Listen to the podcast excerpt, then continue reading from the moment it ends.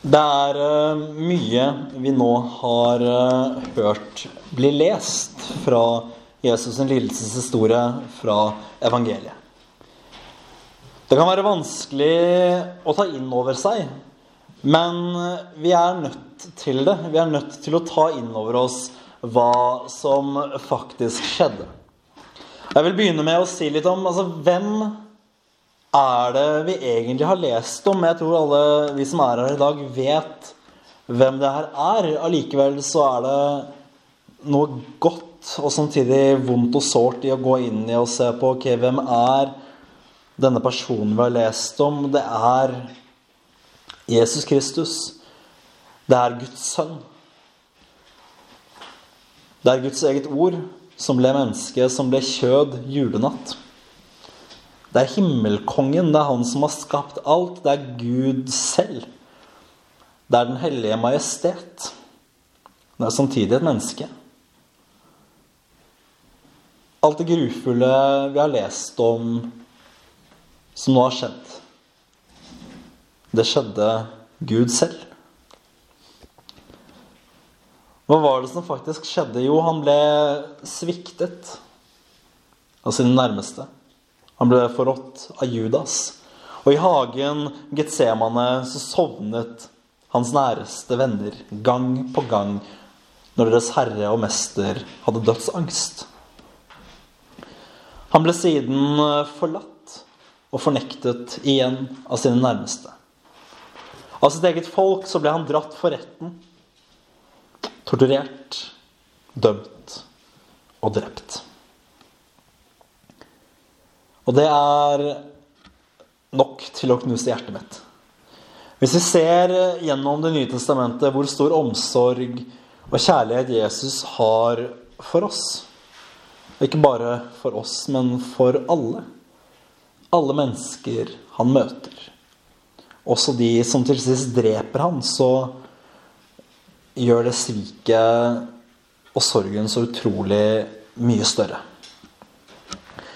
Og langfredag det er virkelig dagen for å ta inn over oss alt dette her. Og kunne stoppe litt opp i det og se hva det betyr.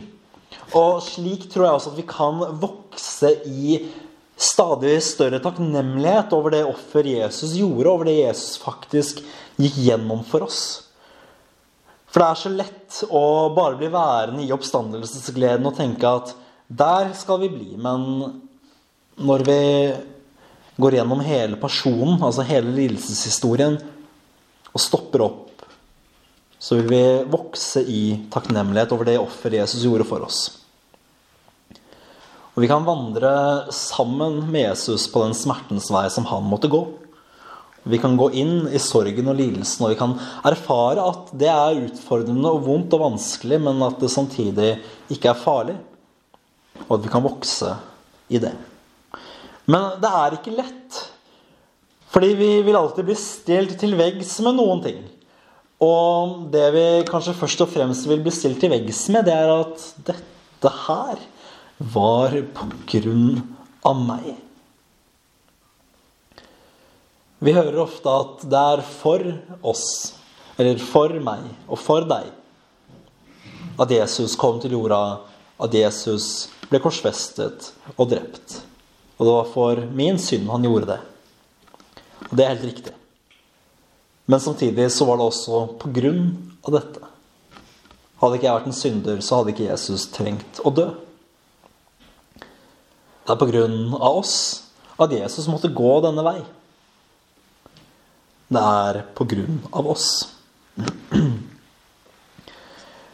Så er det ikke sånn at korsets blodstengte død var en siste utvei. Eller at det var noe uplanlagt.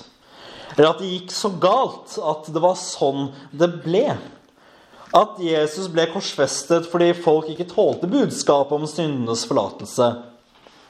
Eller at folk ikke tålte hans egen lære om at han var Guds sønn. Eller at han ble sett på som en politisk trussel. Alt dette kan ha vært medvirkende ytre årsaker. Men vi er nødt til å holde fast ved at grunnen til at Jesus ble korsfestet, det er at dette her det var en del av Guds plan. Og det er to ting som antyder at det var sånn det var. Det første er alle profetiene om Jesus. tenker jeg særlig på profetien som vi kjenner om Herrens lidende tjener, hvor det bl.a. står at han ble knust for våre overtredelser. Det var alltid en del av planen. Og en annen ting, og kanskje det aller viktigste, er at Jesus tidlig i evangeliene taler om sin lidelse og om sin død. Og hva viser dette oss? Det viser oss altså at det var en Guds plan for å frelse en fortapt menneskeslekt. Så kan vi kanskje innledningsvis kjenne på en viss fortvilelse når vi innser at oi, dette her var på grunn av meg, og på grunn av min synd, og på grunn av menneskeslektens synd.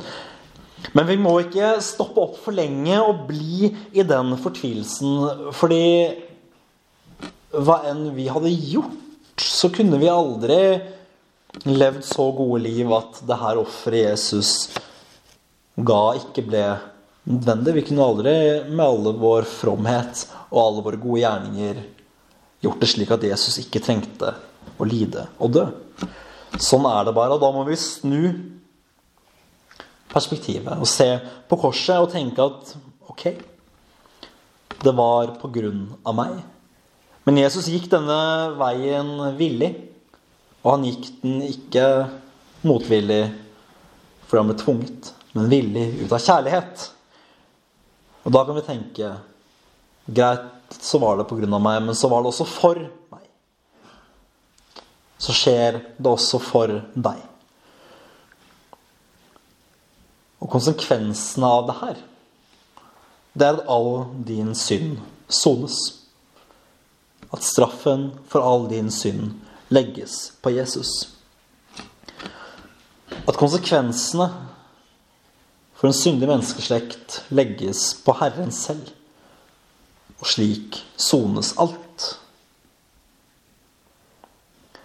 Det betyr at korset ikke er et nederlag. Det er en fin og viktig ting. Vi befinner oss nå i langfredags mørke.